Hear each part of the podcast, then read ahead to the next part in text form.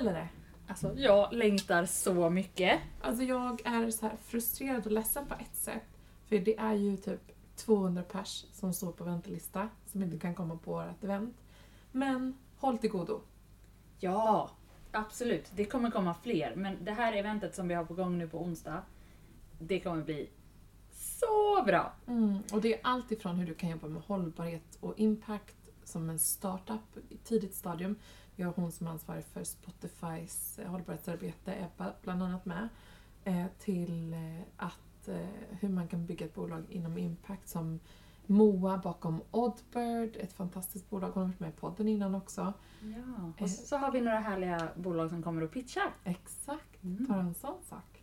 Eh, Så att, ja, en fullsmyckad förmiddag tillsammans med Stockholms stad eh, och Stockholm Invest som har arrangerat Impact Week där vi då har fått en, program att leverera, en programpunkt att leverera på.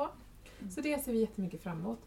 Men inte bara det, för du har precis kommit tillbaka från Östersund. Ja, eh, vi har haft vårt första eh, fysiska event i Östersund och eh, det var ett fantastiskt gäng tjejer som kom. Jag är super, super glad.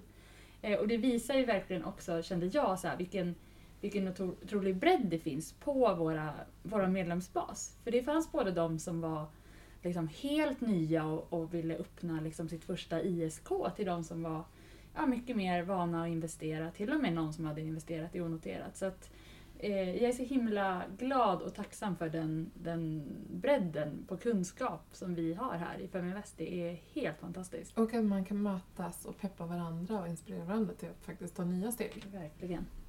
Jag är ju kvällen innan det här eventet, så samma dag som podden sänds i Kalmar och föreläser också både om onoterat och noterade investeringar. Eh, Så att eh, vi, vi ligger inte på latsidan. Nej, det gör vi inte. Verkligen. Eh, Man säger så här, ja men nästa vecka då blir det lugnare. Ja, nästa vecka blir det lugnare. Jag tror att vi alltid, vi kommer alltid finnas massor att göra på det här temat, vilket vi gör med glädje. Mm, men jag ska säga, efter den här hemliga lanseringen som vi har i nästa vecka så tror jag faktiskt att det kommer bli lite lugnare. Ja. Jag tror det. Mm. Men det kommer mycket att göra, men lite lugnare. Mm. Ni får Fast höra mer om det. för Rebecka är ute och reser. Ja, våran eh, eh, ryggrad tänkte jag säga. Hon som håller samman allt det här. Hon ska lämna oss nu i tio veckor. Mm, för Sydamerika. Vem gör så? Vem gör så? Taskigt. Nej, hon kommer ha det så härligt. ja. Eh, på Copacabana. Men du, jag tänker också att vi måste eh, nämna en sak. För vi har ju en utbildning på gång. Ja! Hur man investerar i onoterat. Mm. och eh, det är roligt för här vi sitter, vi sitter i ett ganska tyst rum. Men det är någon som har sitter på toaletten en våning upp. Då hör man det i våran... Och då hör man när de spolar jättetydligt. Så, så komiskt. Man blir lite fnissig. Det får ju vara lite ljud runt omkring oss. Ja, när Jens var här, vilket ni kommer höra snart i, i intervjun också, så kom ju en polisbil förbi, det var typ en helikopter. Alltså det var så mycket stök på stan. Ja men är det inte också lite skönt att man så känner att det är så här. Det här händer här och nu, mitt i livet. Ja, Det liksom och det får bara vara en del av oss. För det är lite så vi är. Ja. Men om man tittar på då finansiering, innan vi djupdyker i det här samtalet med honom och vad, vad Almi eh, och Almi Invest kan erbjuda, så finns det lite andra alternativ också. Man kan ju söka eh, lån, man kan både gå till banken, men man kan också gå till Almi som också erbjuder lån. Eh, så det kan ni söka upp på. Man kan ju också låna från kompisar eller familj eller så. Ehm, man kan eh, söka kapital hos företag som kanske vill investera i i eh, liksom liknande företag som de själva, att de kan få ny kunskap eller kunna implementera någon ny effektiviserande produkt till sin, till sin verksamhet. Eh, crowdfunding. Ja men det finns hur mycket som helst. ja, verkligen.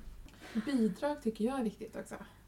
Att lyfta. För det finns ju också lite gratispengar där ute. Och det kan vara allt ifrån stiftelser till eh, Vinnova har ju utlyser spännande liksom, eh, eh, anslag som du kan ansöka om beroende på vad man har för fokus.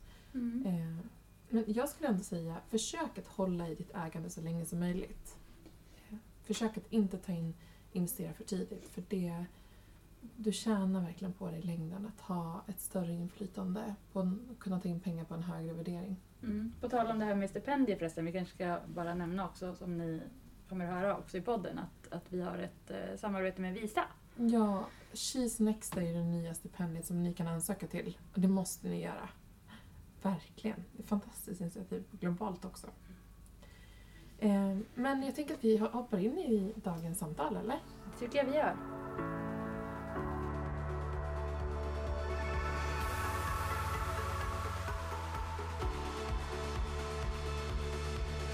Vet ni vad?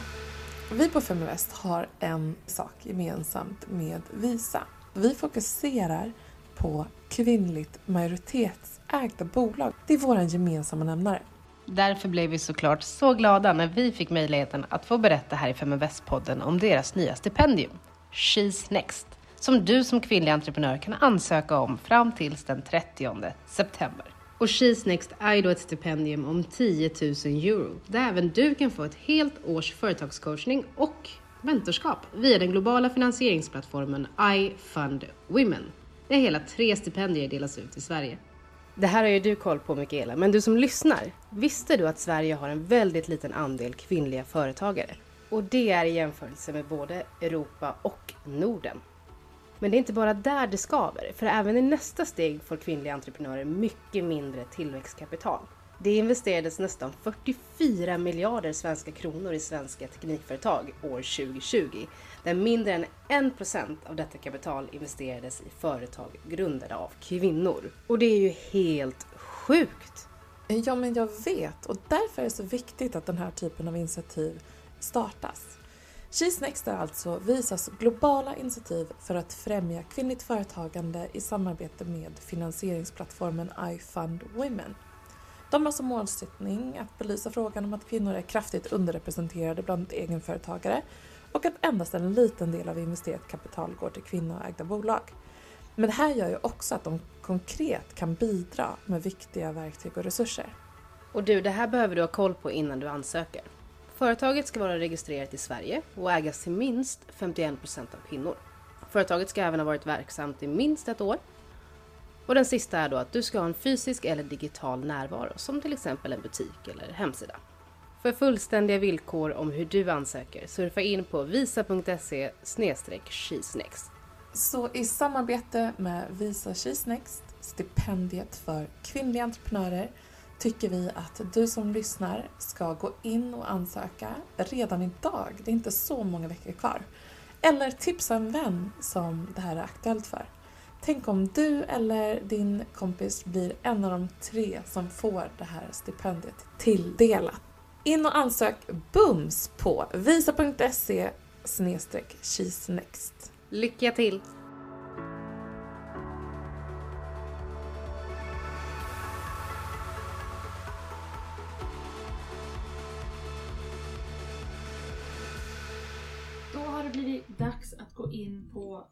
Dagens eh, intervju och idag har vi med oss Jens Bäckbom eh, som kommer ifrån Almi Invest Stockholm. Supervälkommen till Feminvest-podden! Stort tack, stort tack! Och vi ska gå in på massa spännande frågor om, om vad du gör och vad Almi Invest gör men först och främst så vill jag gratulera dig för vi såg faktiskt att du nyligen har gift dig. En investering för livet. Ja. Det stämmer, det stämmer. Hur känns det? Eh, underbart, fantastiskt, eh, stort.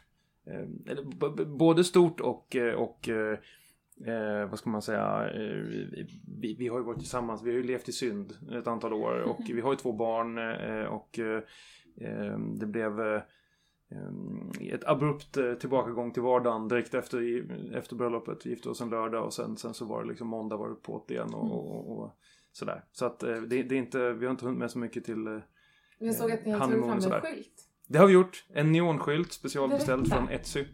Ehm, nej men det var min eh, ja, fru är det nu då som, som ehm, eh, hittade, hittade i, i allt bröllopsgooglande som man gör så hittade hon en, eh, ja, men något par som hade ju tagit fram en neonskylt och så hittade vi några stycken på Etsy som kunde leverera det. Kom i en stor, liksom, en meter lång trälåda eh, ihopskruvad som man fick skruva upp och sätta upp. Ja, riktigt häftigt, vi har den hemma i huset nu. Minne för livet. Absolut. Nej, det är underbart. Jag kan rekommendera till alla att gifta sig. Ehm, det sägs ju också att Också man... Att efter pandemin när man faktiskt får göra det tillsammans med vänner familj kanske. Exakt, alla är liksom ovana vid det där med att uh, festa loss. Så att när de väl får det så då, då var det åka av kan jag säga. Ja, det kan jag tänka mig. Men Almi Invest är ju Sveriges eh, största, mest aktiva investerare. Eh, Ni tittar ju på ett väldigt eh, aktivt sätt även ute i landet i olika regioner på vad är det som händer, vilka nya entreprenörer startar bolag och så vidare. Eh, jättespänd på att få höra, för jag har faktiskt aldrig fått möjlighet att sitta ner och höra någon berätta exakt hur allting hänger ihop. Så hur, hur ser Almi Invests investeringsupplägg ut? Mm. Ehm, jag, jag kanske till att börja med ska säga att Almi Invest är ju ett dotterbolag till, till Almi. Ehm, och Almi ehm, som helhet har ju tre ben kan man säga. Så det är eh, lån, ehm, rådgivning och riskkapital. Så då har vi, eh, kan man säga, vi kan följa en entreprenör från att man nästan har en affärsidé eh, och får då rådgivningstjänster till att man eh, får sina första, man kan få sina första verifieringsmedel eller, eller man kan få eh, lite pengar från Almi för att testa sin affärsidé innan den liksom, man ser om den bär. Och sen så ehm, eh, Sen i, i, vissa få fall så kan vi då, vår riskkapitalgren, komma in i ett lite senare skede när, när man väl har börjat hitta eh, en marknad och kunder och sådär. Eh, så, Riskkapitalet finns, eh, är det liksom nationellt bara? Eller, för jag vet att ni har regionala fonder också. Ja, men vi finns i hela landet. Ehm, så, så det finns ingen del i landet där man inte kan komma till oss. Och, och sen är det Sen är vi strukturerade efter ehm, en, en EU-indelning av Sverige. Så vi har åtta regioner som vi är verksamma i. Och, och de pengar som tillhör varje region eller varje fond ehm, är ju öronmärkta för den regionen. Och det är just för att inte alla pengar ska hamna i storstäderna. Ehm, så, så det finns ju en tanke från EU-håll ehm, att, att eh, bidra till regional utveckling som man säger. Och då har vi eh, de här åtta regionala fonderna där jag då jobbar för vår Stockholmsfond. Ehm, och sen har vi en nationell fond som, men som bara investerar i green tech-verksamheter och, det, det definierar man som bolag som kan påvisa att de, de minskar koldioxidutsläpp. Mm. Hur mycket pengar och investeringar blir det totalt per år? Jag ska säga så här. Vi investerar i ungefär 60-70 bolag per år. Eh, och det snittinvesteringen i Stockholm kan jag uttala mig om det åtminstone. Det, den brukar vara någonstans 2 till 3 miljoner kronor. Eh, så, sen, sen, sen ser det lite olika ut i olika delar av landet. Men, men eh, vår fond i Stockholm som vi investerar i är på 150 miljoner. Och så, så den, den ska göra då ja, ett, ett 30-tal investeringar. Um, något sånt. För du berättar ju att ni både är eh, regionala och nationella. Och hur funkar det lite mer liksom, ute i landet för entreprenörerna? Mm. Men man kan säga att vi lever i lite olika verkligheter om man, om man jämför Stockholm och, och eh, an, vissa andra delar av landet. Eh, Det är, I Stockholm så har vi ett väldigt högt tryck med, med inkommande eh, bolag som, som söker riskkapital. I vissa delar av landet så, så behöver mina kollegor vara ute lite mer och leta aktivt efter bolag som man kan investera i. Och eh, det, på samma sätt så, så, så är man ju i olika delar av landet så har man lite olika eh, kanske tyngdpunkt kring vilka branscher som är viktiga och vi har i vissa delar av landet har vi investerat i turism och, och liksom handel och den typen av bolag. I Stockholm så, så har det blivit mer kanske high tech, mer life science, eh, mer IT. Ehm, Ja, något sånt. Mm. Jag är också nyfiken på de här eh, nischade investeringsfonderna som du var inne på. Kan inte du berätta lite mer om, eh, om vad, vad det faktiskt kan vara för typ av bolag och hur de ser ut? Ja, Eh, eh, Green Tech-fonden exempelvis. Ja, vi har bara den så att säga. Det, det är bara den som är nischad på, på det viset. Och, och, och Ehm, deras fokus är, de kan investera lite större belopp. Eh, fonden är större ehm, och, de kan investera mm, 10 miljoner utan problem i ett bolag. Det, det, men, men kravet är som sagt att man behöver visa som entreprenör att det man gör bidrar till minskade koldioxidutsläpp. Och det är ganska strikt krav så att säga. Ehm, det, det, de stöter på ganska många bolag som har en som kanske har en mer allmän klimatansats eller bidrar till eh, minskat svinn på andra sätt. Eller, men, men kan man inte väldigt tydligt koppla det till just koldioxid så, så, är det, så har vi inte möjlighet att, att investera då tyvärr. Men, men eh, i övrigt så är det samma upplägg där som, som för oss. Man, man söker investera pengar, eh, eh ta en minoritetsandel i ett bolag och eh, hoppas sen att det här ska ge flera gånger pengarna tillbaks. Så, och, och där... Hur har det sett ut historiskt? I ROI eller? Ja, jag kan inte riktigt gå in på exakta siffror men, men eh, vi, vårt uppdrag på pappret är faktiskt att vi, vi ska inte vi ska inte gå plus. Vi ska täcka våra kostnader med avkastningen vi ger. Eh, men det andra uppdraget vi har är att vi måste investera tillsammans med privata investerare på samma villkor. Så, så, och privata investerare har ju inte det kravet. De, de vill ju gå plus.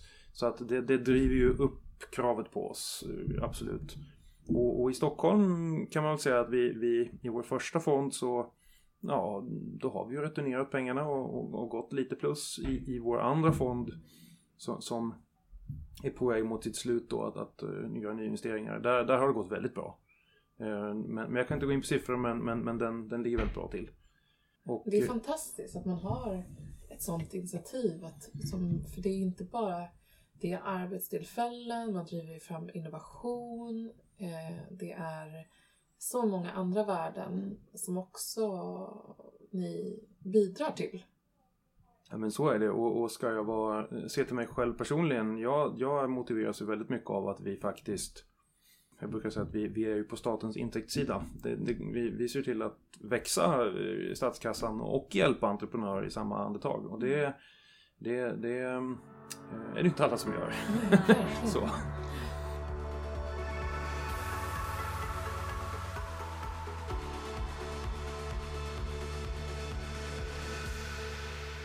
Om man tittar på liksom hur läget är nu, det ekonomiska läget med, med oro och hur marknaden ser ut.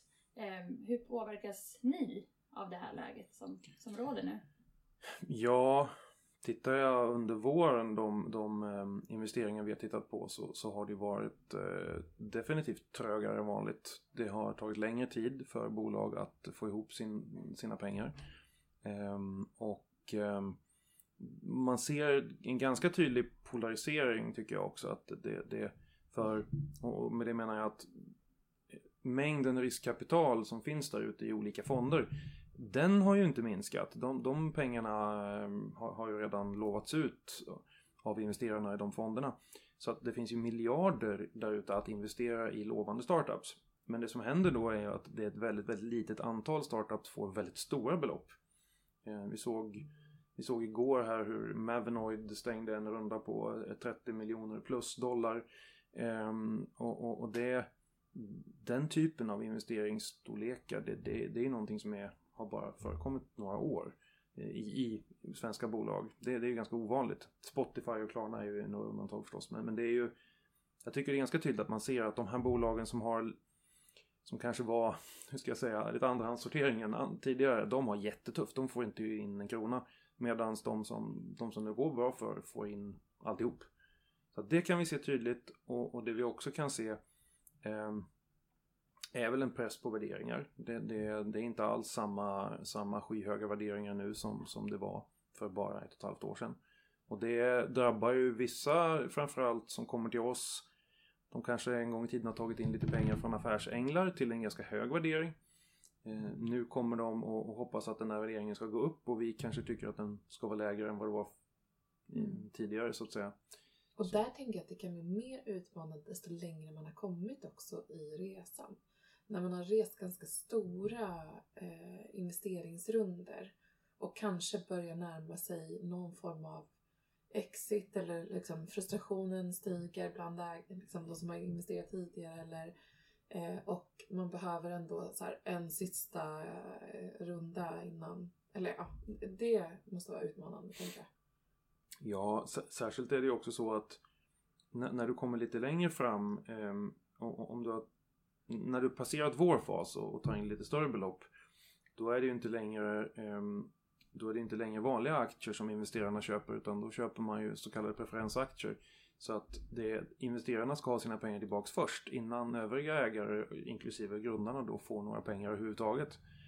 Det kan ju bli väldigt blodigt när du kommer i, i, i en fas där du hoppas, hade hoppats kunna börsnotera och sen plötsligt har börsen gått ner med 50% så att du är inte i närheten av den värdering du hade hoppats på. Eh, och, och, och då som grundare ser du att jag kommer inte få ut en krona om det här går på börsen. Eh, Och kraven på lönsamhet nu plötsligt också. det är också inte, det tycker jag å andra sidan, det är ju supersunt. Jag, jag har Jag alltid tyckt det om också. eh, lönsamma bolag. Det är ju, ja men det är ju något annat. Det är ju en helt annan, eh, det är ett helt annat eh, game att, att driva ett bolag som går med vinst. Det är det ju. Ha- att ha överflöd på pengar och bara kunna bygga produkt och bygga produkt. I min värld, jag jobbar ju ganska mycket med SaaS-bolag och digitala tjänster och där det är lätt att du hamnar i en fälla att eh, bara bygga så många features så att du nästan förvandlas till ett konsultbolag som bygger precis vad kunden vill ha för du är backad av riskkapital och kan göra det olönsamt. Har du ett krav på dig att vara lönsam så då, då, då är det en helt annan historia. Då måste du faktiskt börja se till att produkten är lite homogen och du säljer samma sak till många kunder och sådär. Så det är nog det är bara bra. Mm. Precis. Men vilka typer av eh, rundor då är det som är intressanta? Eh, är det i olika faser eller är det... Ja, för vår del, vi går ju in väldigt, väldigt tidigt. Eh, vi är ofta eh, den första investeraren eller, eller kanske den andra. Och vår, eh, vi, vi är ju begränsade av vår fondstorlek och, och, och eh, i snitt så, har vi, så går vi in med kanske 6-7 miljoner i ett bolag eh, över tid. Och det innebär att första gången vi går in så är det mellan 2 och 4 typiskt sett. Det kan gå så lågt som en miljon, det kan gå så högt som 5 miljoner. I, i, i undantagsfall mer än 5 miljoner. Men, men eh, absolut majoriteten är, är två till fyra miljoner. Och, och då siktar vi på att få en ägarandel på ja, men 10% i bolaget för vår del av, av rundan. Sen måste man ju få in lika mycket till då från privata pengar för att vi ska kunna gå in. Eh, Det, och det är väl någonting som också har hänt under under den här, eh, till att börja med var det under covid men nu un- under i det här börsklimatet så har vi fått lite lättade regler från, från vår finansiär då, Tillväxtverket och EU att eh, vi kan ta 70% av en investeringsrunda un- under en begränsad period. Ehm, och, och, eh, personligen tycker jag det är bättre om, vi, om det är 50-50 och om man har 50% från privata för det, det gör oss mer marknadsmässiga och det skapar bättre förutsättningar längre fram. Men, men eh, vi, har, eh, vi har lite lättade. På frågan om hur, hur vi har påverkat så har vi Mm. fått lite lättade regelverk just nu. Mm. Jag är också nyfiken på att höra liksom, när ni kan vara rätt investerare. För att man pratar, jag försöker ofta liksom, uppmuntra genom de dialoger vi har med kvinnliga entreprenörer att här, inte bara gå i säng med vilken investerare som helst utan eh, och man ska försöka hitta nytta med, med eh, en investerare också. Eh, så att dels är nyfiken på den, de kraven som ni ställer på bolagen men också eh, men vad, vad man kan få ut av er som andra värden. Det finns ju...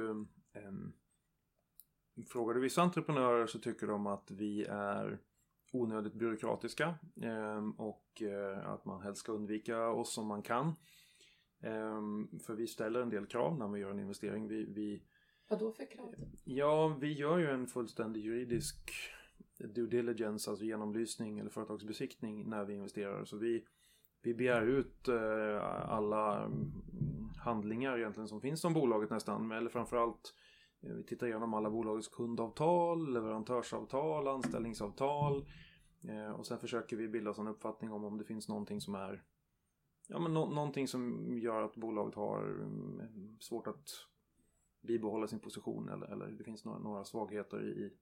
Eh, viktigast i, i vår, vår företagsbesiktning brukar ju vara alltså, eh, immateriella tillgångar, alltså patent eller den typen av, av tillgångar. Har, om vi investerar i ett bolag på grund av eller tack vare dess patent, då, då vill vi också titta närmare på dem såklart och veta att de, hur, hur starka de är och, och sådär. Eh, så, så det, det är någonting vi gör. Och, Men kanske också en kvalitetsstämpel. Att man har gått igenom eran. Eh, Exakt. Det, man, investerare som kommer in efter oss i senare rundor brukar ju tycka att det är ordning och reda i våra bolag. Mm. För, för vi, vi sätter ju oss också i styrelsen i, i bolag vi investerar i. Vi eh, ser till att det finns en något sån här regelbunden rapportering och, och, och sådär. Eh, och, och det där, eh, över tid så, så kommer ju en senare investerare att vilja se att man har gjort det. Ehm, och, och medan en affärsängel kanske inte alls ställer den typen av krav utan mer in med pengarna och titta bort. Och, och har inte tid att engagera sig i styrelser och sådär. Ehm, så, så det är ju det som det är väl det värdet vi tillför. Eller vi vill tro att det är ett värde men, men, men det brukar väl tyckas vara ett värde. Åtminstone vissa entreprenörer. Det, det finns entreprenörer som är helt självgående och absolut inte vill ha någon i styrelsen. Men, men, ehm, men, men jag skulle säga majoriteten vi pratar med brukar ändå se ett värde i det. Ja, och hur kan de här entreprenörerna förbereda sig då inför en, en investering? Ja, ehm, ja, men det finns ganska mycket eh, bra material där ute om man, om man googlar lite. Eh, man kan googla på eh, det är väl den engelska termen som är mest relevant och pre-seed investing eller pre-seed pitch deck template eller motsvarande för att, för att få en bild av ungefär hur, vilken typ av material är det vi vill se och, och hur ska man hur, hur presenterar man sig på ett tydligast sätt för en investerare. Men, men till syvende och sist, det vi, det vi tittar på och det vi utvärderar eh, det är en kombination av säga, de tre allra viktigaste faktorerna som, som vi inte tummar på. Det är ju en, en väldigt stor och helst växande marknad eh, som man är verksam på. Internationellt då? Eh, ja, och he- helst ska den ju vara en, om inte en miljard så en halv miljard i Sverige åtminstone. Eh, Det, det, det skulle jag ändå säga. Ehm, sen tittar vi på, på teamet och att de har Eh, vi vill ju se igenom teamet ganska ordentligt. Vi gör, vi gör en, en, en personlighetsenkät på var och en av grundarna och eh, tittar på teamkompositionen, hur man kompletterar varandra. Eh, Vi vill gärna se en mix av, av bakgrund, kompetens eh, och, och, och det enda vi, in, vi inte vill ha spridning på det är ju liksom ambition i, i grundarteamet för det, det, det kan gå riktigt dåligt och det har jag sett själv flera gånger att man en grundare springer ifrån den andra grundaren och sen blir det bara gråta åt tandagnisslan. Ehm, Många av de här sakerna du lyfter också är ju det vi pratade om i vårt förra, förra avsnittet av Feminvestpodden. Um, hur viktigt det är med, med liksom teamet och hela den biten. Ja, exakt. Då lyfter, vi, då, då lyfter vi tillsammans med Maria Hedengren eh, hur man ska, kan som investerare screena entreprenörernas eh, bolag. Eh, med bland annat några av de punkterna. Så det var liksom hatten på från andra sidan i Mm. perspektiv. Mm. Men eh, väldigt bra att lyssna på från ett entreprenörsperspektiv också. Eh, mm. Ja, men och, där, och där skulle jag säga eh, A och O är ju om, om du frågar andra investerare och, och jag håller ju med om det, det, det, det Helst av allt vill man ju se entreprenörer som har varit entreprenörer tidigare och redan har någon resa bakom sig. Men, men det är ju inget krav vi kan ställa, det skulle inte vara särskilt schysst. Ehm, utan det man vill se är ju en, en, en, en hög ambition och, och, och en, en liksom grit i, den, i någon slags bemärkelse. Ihärdighet, man, man ger inte upp i första taget. Eh, men, men också, jag brukar alltid säga att jag inte helst inte investerar i någonting som jag hade kunnat komma på själv. Eh, och, och om inte det är någonting som jag är specialist på då. Men, men jag vill ju veta att den här entreprenören eller de här entreprenörerna vet någonting om den här marknaden som inte vem som helst vet. Vet hur man ska nå kunderna på den, vad, vad kunderna vill ha, vad, vi- vilka svagheter som finns hos konkurrenterna. Jag vill ju se några som verkligen, verkligen vet vad de gör. Det, det är ju nästan det viktigaste. Och, och, ehm, men, men den Blir det så att man har tittat på så många bolag att man eh, till slut blir sällan överraskad? Nej, det skulle, jag inte, skulle jag inte säga. Eh, Jag blir överraskad hela tiden och, och, och det är ju det som är kul med det här jobbet. Det är definitivt, eh, vi ser spännande bolag hela tiden. Eh, Vi ser också bolag som, och det, det är väl ett av de jobbigaste situationerna, det är när det kommer entreprenörer till oss och vi har sett fem stycken liknande bolag. Bara på senaste året. Det har verkligen hänt och då, då det kan jag ju inte säga. Jag, jag, jag har ju sekretess, jag får inte berätta om de andra entreprenörerna. Jag kan bara säga jag tror att den här marknaden är väldigt tuff och eh, jag tror att konkurrensbilden är sån att vi inte kan gå vidare med den här investeringen. Och det kan jag få väldigt hårt eh, eh, tillbaka spel på för, för det entreprenörerna tycker att jag inte vet vad jag pratar om. Och det, det är jobbigt, det är en jobbig situation. Och det är också Ehm. bra, för det är ju på något sätt, det vill man ju se hos en entreprenör. Man själv inte kan investera eller liksom ser att det finns en möjlighet från ert perspektiv. Så jag tänker det, det, det, man måste ju verkligen tro så väl på att man, nu missar du någonting liksom till investeraren. Det, det extremaste jag var med om det var, och det var ett bolag som tog in en väldigt, väldigt stor summa pengar här bara under våren. Eh, då stod jag inför att ett exakt likadant bolag kom samma vecka. Eh, och och det, det var de enda två som fanns på marknaden. Men de kom till oss exakt samtidigt med samma affärsidé. Hade kommit ungefär lika långt. Lite olika take på hur de skulle göra det.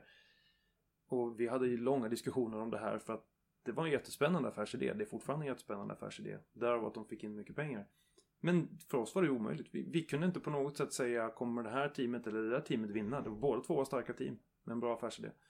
Så att, och det kan jag ju inte säga till dem heller. Nej. Jag kan inte säga att det finns en identisk konkurrent där ute som går under radarn. Ehm, så, så, så är det. Ehm, men, men och, och den tredje faktorn, jag, så att jag inte glömmer det, det är om, om, om marknaden är den första och teamet är, är den andra och de två är de allra viktigaste så är det ju, det tredje är ju förstås att man löser ett väldigt viktigt problem eh, eller av kunden upplevt väldigt viktigt problem på ett unikt sätt. Eh, det, min, några av mina kollegor skulle säga att det viktigaste är att eh, Eh, det där sättet absolut inte går att konkurrera med för att det är skyddat med hjälp av patent eller annat. Eh, det måste det inte vara, eh, skulle jag säga. Men, men att man verkligen förstår vad kundens problem är och att man har en riktigt, riktigt bra lösning som kunden helst inte, inte kan klara sig utan när den väl har fått den. Det, det är ju det, är det bästa. Så de tre är väl det, är väl det vi tittar på. Har man det man kan förbereda sig på som, som entreprenör är väl att är väl just att ha förstått sig på sin marknad och, och verkligen satt en siffra på hur stor den är och kunna argumentera för varför möjligheten är så stor. Det är det vanligaste anledningen att jag tackar nej till bolag så är det att marknaden inte är tillräckligt stor för, för, eh, för, för en investering. Och det behöver ju absolut inte betyda att det är en dålig affärsidé. Exakt. Eller att det inte finns en marknad för tjänsten. Det är bara det att nio av tio av våra investeringar eh, får vi ju inte igen. Och så ser det ut för alla, alla VC-bolag. Så då måste den där tionde vara, gå så bra så att den kompenserar för allihop. Ehm, och, och då måste potentialen vara jätte, jättestor. Ehm, och, och det där har vissa svårt att acceptera. Och då hänvisar jag ibland till våra vänner på, på eh, vår lånedel. Ehm, om jag säger att men det här bolaget, ni har redan kommit igång och ni kanske kommer att omsätta säkert 10, 20, 30, 40 miljoner inom några år. Det är ett jättefint bolag, ni kommer kunna göra fin vinst och försörja er och kanske sälja det för en jättebra peng. Gör det och ni behöver inte ta in riskkapital. Kör det utan riskkapital. Men är, kan det vara så att det liksom blivit nästan för trendigt att ta in riskkapital som en kvalificering? Så att man nästan inte... Och också så här att man, många unga entreprenörer kanske inte vill göra de där åren utan att ta ut lön eller någon form av ersättning. Att det blir... Förstår du vad jag menar? Jag tror att det finns en sån, sån faktor i det. Eh, Det finns definitivt en faktor i att man, man helst inte vill leva på de där nudlarna. Ehm, Och jag, jag har själv drivit bolag innan jag började med det här jobbet och, det var blodpudding och nudlar i, i ett par år innan det lyfte och jag vet inte, jag... Lite grann kan jag tycka att man får välja om man ska ha kakan eller äta upp den, mm, faktiskt. Sen, sen, ehm, sen tycker inte jag att vi, vi ska ju inte som bransch, för, sär- särskilt som en statlig aktör, vi ska ju inte verka för att entreprenörskap är extremt exkluderande. Så att det är klart att vi och och det, där har vi möjligheter via våra andra delar, vår rådgivningsdel och vår, vår lånedel och även andra statliga instanser. Du har ju Vinnova till exempel där det finns en massa olika sätt att finansiera ett bolag på som inte nödvändigtvis behöver vara riskkapital och mångmiljonbelopp. Du kommer ganska långt på att få in några hundratusen också. Eh, och du kanske behöver, du kanske inte kan starta din produkt det första du gör, du kanske behöver ta lite sidogig vid sidan av, konsulta lite, få in lite andra intäkter. Inte vara 100% skalbar från dag ett utan ehm, men, men, men det, det är en smaksak. Vissa vill ju prompt ha riskkapital och då f- ja, då är det bara att komma och fråga. Ja, precis. Men eh, om man tittar på de här bolagen som har kommit till er då och, och liksom tickat de här kriterierna. Eh, kan du inte berätta några av de bolagen som ni har gått in i? Absolut. Ehm, I Stockholm så är det ju en, en, eh, det är en eh, väldigt bred eh, skara. Vi har, ehm, vi har ett bolag som heter Molecular Attraction som gör ett ehm, myggbekämpningsmedel. Den gör... Jag älskar dem redan. Det skulle jag Du kommer från Norrland. Ja. ja, ja, men den gör mygg sterila så att det inte blir fler mygg. Ehm, och det är ju framförallt i malaria ehm, drabbade länder som det kan vara väldigt... Som i Östersund. Mm. ja, ja, ja. ehm, så... Elin kommer från Östersund. Ja, ja, ja, ja, men vi har mygg i Värmland också där jag kommer ifrån. Det, det, det, ja. ehm, så det har vi. Ehm, vi har eh, vi har ett bolag som heter eh, Recitu som gör Eh, de gör en, eh, en biopsinål för eh, bröstcancerbiopsi. Där du i princip för, för väldigt många bröstcancertumörer kan upptäckas väldigt tidigt. Och med, men när man tar biopsin ja, då ska man ju in med nål och liksom ta ut en bit. Och det händer ofta att då har man sönder den där tumören så att den kan sprida sig. Mm. Så att delar av den finns kvar. Men Recitus verktyg gör att du kan få ut hela tumören i samband med att du tar provet och behöver ingen ytterligare kirurgi, ingen så här rekonstruktionskirurgi. Eh, en su super, super spännande produkt. Någon sug av något slag typ? Ja, men det, det, ja, det är en väldigt sinnrik konstruktion med, med en ganska, den ser ganska otäck ut men, men den, den, eh, den ska vara smärtfri så att säga. Eh, men, men ehm, ja, jag ska inte gå in på detaljer hur den fungerar men vi har den typen av bolag Ehm, som vi har gjort, investerat i nyligen. Eh, vi har ju också ett, ett verktyg som heter eh, Striver som gör ehm, ärendehantering för finansiell backoffice. Alltså, så att eh, fondadministratörer till exempel kan, kan utföra sina dagliga mm, så att säga, eh, dagliga ärenden och, och, det finns ändå en hel eh, det finns en historik så att revisorer sen i efterhand kan se att allting gjordes enligt Finansinspektionens alla regelverk. Fonder, menar du börshandlande fonder då? Ja, ja, ja. precis. Till exempel. Eh, men, men även andra typer av, eh, av bolag som är, verkar i reglerad miljö så att säga. Mm. Ehm, så, så, vi har en, en, vi har en marknadsplats eh, för, för um, DJs och artister som heter Gigital som vi investerade i för ett par år sedan. Ja, det är en väldigt spänn, det är en väldigt, väldigt bredd och spännvidd. Mm. Gemensamma nämnaren är ju att dess marknaden anser vi vara väldigt stor för alla de här produkterna och eh, ehm, träffar man bara rätt och gör, gör, gör, det på rätt sätt så ska det också kunna vara väldigt skalbart. Eh, så, så, att det, det, ska kunna bli, eh, man ska på kort tid från att det verkligen börjar funka nå en stor omsättning. Sen kan det ta ett tag innan det börjar funka.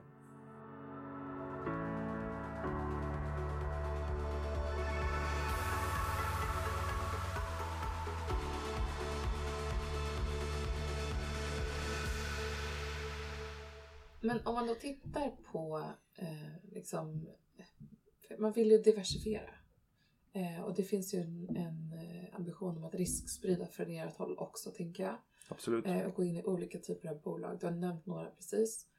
Vad för typ av sammansättning skulle du säga att, man, att ni ser till i en... Vilken typ av bolag kan det vara under en fond så att säga? Ja, det är en bra fråga. Det, eh, på, på sätt och vis så, så gör vi inte vi, vi, gör ju inte riskspridning fullt ut eh, så tillvida att alla våra investeringar är ju hög risk. Så att det är att vi gör många eh, och alla ska ha stor potential som gör att det kan bli bra i snitt så att säga. Tittar jag på vår första fond så var det i princip fyra bolag av 40 som gick plus, fem tror jag. Och två av dem gjorde hela avkastningen. Mm. Och så ser det ut. Så, så riskspridningen handlar, handlar väl om, jag menar vi, vi, vi får inte investera i samma fond eh, i, i konkurrerande bolag. Det, det är ju en, men det, är, det har ju andra orsaker. Ehm, sen, sen sker ju en riskspridning snarare på vår ägarnivå. Alltså staten eh, sprider ju risker genom att lite pengar allokeras till startups och väldigt, väldigt unga omogna bolag. Och Sen äger ju staten eh, väldigt stora bolag också som, så, så det finns ju en det finns ju en riskspridning eh, nivån över oss. Och, och Ja, och hos oss handlar det om att det, vi, vi ska upp ett visst antal bolag i samma fas. Det, det, det ska ju, man brukar säga minst 20-25 måste man investera i för att ha en rimlig chans att något ska kunna, något ska kunna funka. I och med att de flesta går dåligt. Och jag tror nu tittar vi på vår andra fond så så är det tre, fyra bolag som har, som har gått bra och är högt värderade redan av marknaden. Eh, eller som vi har sålt till, till bra, bra, eh, bra avkastning. Eh, men sen och så finns det några som har en jätte, jättepotential men fortfarande också, det kan lika gärna bli noll. Mm. Så, så det, det, är en det är, inte, det är inte en verksamhet där man får, man, man får inte ha klena nerver när man håller på med mm. startups. Det, man får inte bli för emotionellt eh, knuten till bolagen heller kanske. Exakt. och det är jättesvårt. För särskilt som man är eh, när man jobbar som investeringsansvarig hos oss så är det ju då sitter man i styrelsen och blir liksom Det är svårt att inte bli kompis med entreprenörerna. Men man är ju trots allt arbets, det, det är ju fonden som är arbetsgivaren och, och, man måste ju se till fondens bästa så ibland kan det bli tuffa, tuffa diskussioner. Så är det. Om man skulle kunna säga att eh, om det är så att ni har stängt en fond och gått in i en, ett bolag så kommer en konkurrent som kanske har ännu större potential så skulle ni hypotetiskt kunna gå in i den i nästa fond? Ja, inte, jag skulle, inte, inte i samma region för vår del. Det okay. tror jag inte vi skulle göra. Utan ehm, det, det, och då det har hänt flera gånger att jag har tackat nej till bolag för att vi har en, en direkt konkurrent i, i portföljen. Eh, även om det har varit i en tidigare fond så att säga. Mm. Så, så att, och det handlar mycket om att vi är ju ett team hos oss som har vi, vi har ju full transparens inom teamet och, och, och Eh, jag kan, inte, jag kan ju inte bara rent aktiebolagsrättsligt kan inte jag sitta i en styrelse och sen sitta i en annan styrelse som, med ett bolag som konkurrerar direkt. Eh, och det, det är ju gränsfall att jag ens kan sitta och dela, dela rum med någon som sitter i en direkt konkurrent eh, styrelse. Så det, det, vi försöker undvika det helt och hållet faktiskt. Hur kommer man i kontakt med dig då? Um, ja, Eh, jag finns ju på där, där, man hittar människor i största allmänhet. Eh, och, LinkedIn? Ja, LinkedIn eh, där är, jag ju på. Jens Bäckbom heter jag, så Jens Backbom då. Och Almin Väst, där, där kan man ju det är jag eller någon av mina kollegor som man kan hitta på vår, vår sajt. Och, och... Ni har jättebra hemsida där man kan gå in och titta på liksom utifrån var man bor geografiskt, som du lyssnar och inte bor i Stockholm. Eh, utan vill ha den, den kontakten i den regionen där du bor så kan du gå in och hitta eh, och få ytterligare information om liksom vad, hur, ja, hur du kan få hjälp och kontakt där. Ja men så är det och, och, och, vi brukar ju också hänvisa alla bolag att vill man skicka en, en, en, pitch till oss eller vill presentera sitt bolag för en investering att då brukar vi hänvisa alla till hemsidan att faktiskt skicka in materialet via, det finns ett formulär där med med lite följdfrågor. Eh, och sådär. Och, och, eh, det händer ju att entreprenörer skickar direkt till oss men då brukar vi allt oftare faktiskt bara eh, dirigera tillbaks dem till hemsidan för att vi vill ha in allt den vägen. Och, det, det finns inget som försvinner i mängden där mm. utan all, alla, vi tittar ju på precis allt som kommer in mm. och utvärderar allt på. Det är samma ordning och reda hos er som hos eh, bolagen ni investerar i. Men jag hoppas det, jag hoppas det. Man försöker. Vi är jätteglada att du kom hit idag och berättade om Almi Invests verksamhet. Tack snälla Jens. Tack ska ni ha.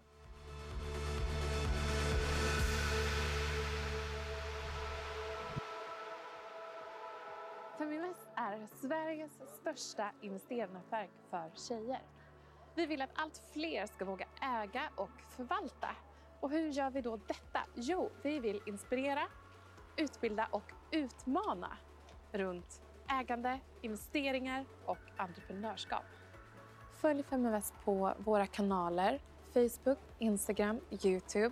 Varje vecka så kommer vi även ut med en podd och du kan ju självklart även följa nyheterna som publiceras på feminvest.nu. Det är bara att söka på Feminvest på samtliga kanaler så hittar du till oss.